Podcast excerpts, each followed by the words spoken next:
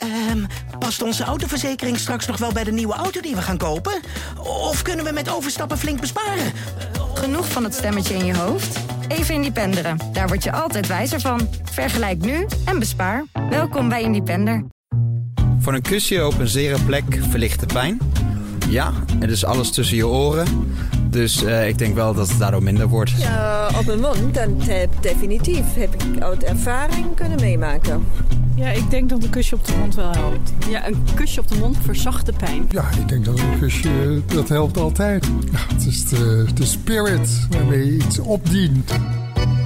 Word je van spinazie nou echt sterk? En is een bruin ei ook echt gezonder dan een wit ei? Het zijn mythes die je vaak voorbij hoort komen, maar ja, zijn ze ook wel echt waar?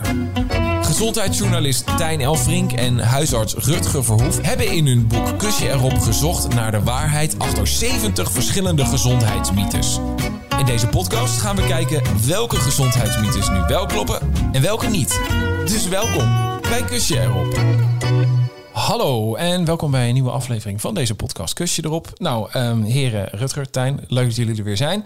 Um, eigenlijk is het nu het, het, de mythe, zoals het boek ook heet. Werkt een kusje geven op een pijnlijke plek? Verzacht dat de pijn, ja of nee? En... Uh, nou, laat ik het zo zeggen. Ik heb soms wel eens het idee gehad dat mijn moeder me in de tuin heeft geleid door als ik om mijn knie was gevallen, gaf ze een kusje erop en dan was het weg. Maar ja kan het dus. Ja, het is, het is grappig. Dat, we hebben onderzoek uh, gedaan. We hebben gevraagd hoeveel, Nederland, hoeveel procent van de Nederlanders denkt dat een mythe waar is. En bijvoorbeeld uh, een ui naast je bed denkt 60% van de Nederlanders dat het waar is. Is dus niet waar. Okay. Terwijl bij een kusje erop, dat werkt dus echt. Terwijl maar 29% denkt dat het waar is. Maar hij, het werkt dus echt. Hè, dat, dat is raar. Dus je, mensen, heel weinig mensen denken dat het echt kan. Ja. Maar dit is dus gewoon echt ja. bewezen dat het wel ja, kan. Dit werkt echt. Hoe dan? Nou, kijk even naar jou, Rutger. Ja, ja heel goed, heel goed. Nou, dit waren twee wetenschappers uh, waren er. Um, Ronald Melzak en Patrick Wall. En die kwamen in 1965 uh, met een poorttheorie op te proppen. Ja. En dan moet ik wel even uitleggen uh, hoe dat precies werkt.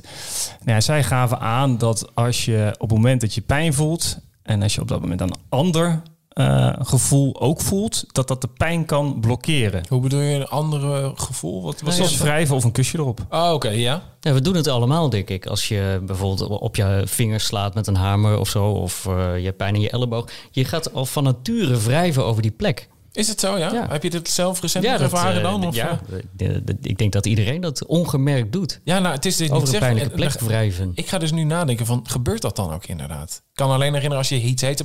Ik ga dat zo wapperen zo met mijn hand. Is dat dan hetzelfde idee daarin? Komt in de buurt, ja. Oké. Okay. Alleen nog beter of een nog sterker effect levert dus een kusje erop. Oké. Okay.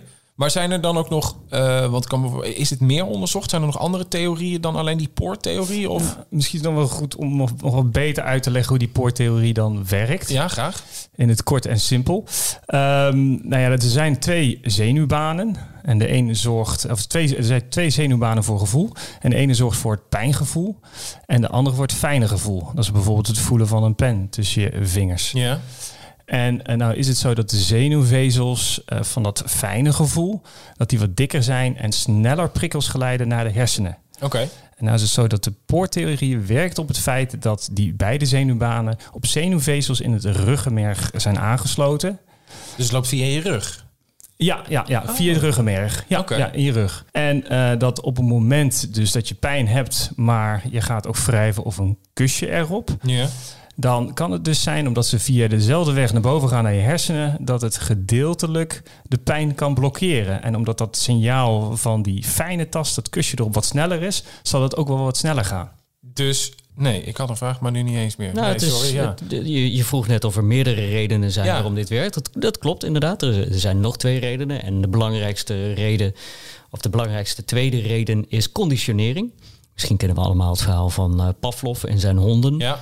En uh, dat tikkende geluid als hij de honden eten gaf. En ja, dat op, een gegeven moment. ja, dan oh, sorry, die hond, uh, gaat hij ontkwijlen. Of die honden gingen kwijlen. En, Belletje.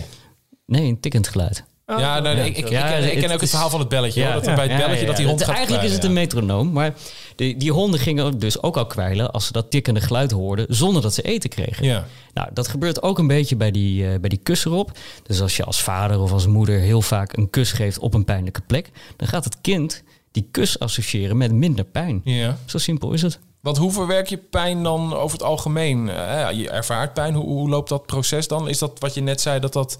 Nee, dat waren de zenuwen, toch? Dat via je ruggenmerg loopt. in de huid daar zitten eh, nociceptoren, noem je dat. Dat zijn eigenlijk pijnontvangers. Ja. Nou, die geven de prikkel die ontstaat door eh, een pijnlijke klap of iets dergelijks. eh, nou ja, die geven dat door weer naar het ruggenmerg. Ja. En het ruggenmerg tran- transporteert die elektrische prikkels naar je hersenen. En dan ervaar je gevoel. Oké. Ja, en er is nog een derde theorie die eh, wat onder, eh, het kusje erop als pijnstillend eh, ondersteunt.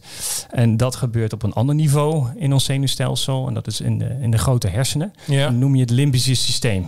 Nou, het Het, limbische, li- het limbische... limbische systeem. Oh, het limbische systeem. ja, Ja, moeilijk, moeilijk woord. Ja, ik ben Ja. ook blij dat je alles in, huisarts je, bent. Het klinkt allemaal zo ingewikkeld. alles in je hersenen, dat heeft allemaal een moeilijk woord. Ja, Eh, Het gaat om ja. geheugen en emoties. Ja, ja, precies.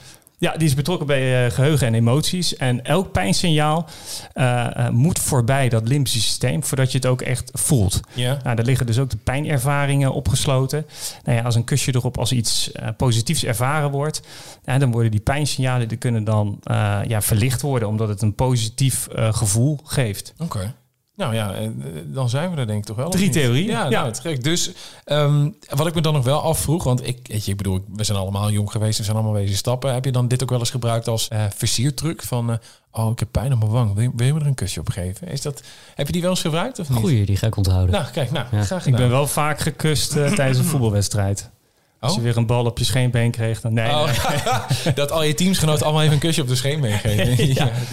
Nou Eh, ja, het is, het is wat fijner dan dat je meteen eh, agressie in een voetbalwedstrijd hebt. Maar wat ik wel aangeef, kijk, ik begeleid ook wel mensen in de terminale situatie. Nou ja, en ehm, als iemand heel veel pijn heeft en die ligt in bed, dan is het natuurlijk heel fijn om daar op die pijnlijke plek, nee, nu per se een kusje, maar te wrijven. En als dat al pijnstillend werkt, en dan heb je ook nog dat je echt een soort van knuffelgevoel hebt. Dat voelt fijn, saamhorigheid en het vermindert de pijn. Dus, conclusie. Helpt een kusje tegen de pijn? Een kusje erop werkt altijd. Absoluut. Nou ja, tot zover deze aflevering. Ehm, dank heren voor dit verhelderende antwoord. Ehm, wil je nou nog meer weten over andere mythes? Bijvoorbeeld eh, ja, van billenkoek wordt je hard of roken is goed voor je stem? Check dan vooral ook even het boek dat ook Kusje erop heet. Een link naar het boek dat vind je in de beschrijving of bij een boekhandel bij jou in de buurt. En eh, nou ja, als je ook nog wil abonneren op dit eh, kanaal, zouden we dat ook te gek vinden. Heren, dankjewel en tot de volgende.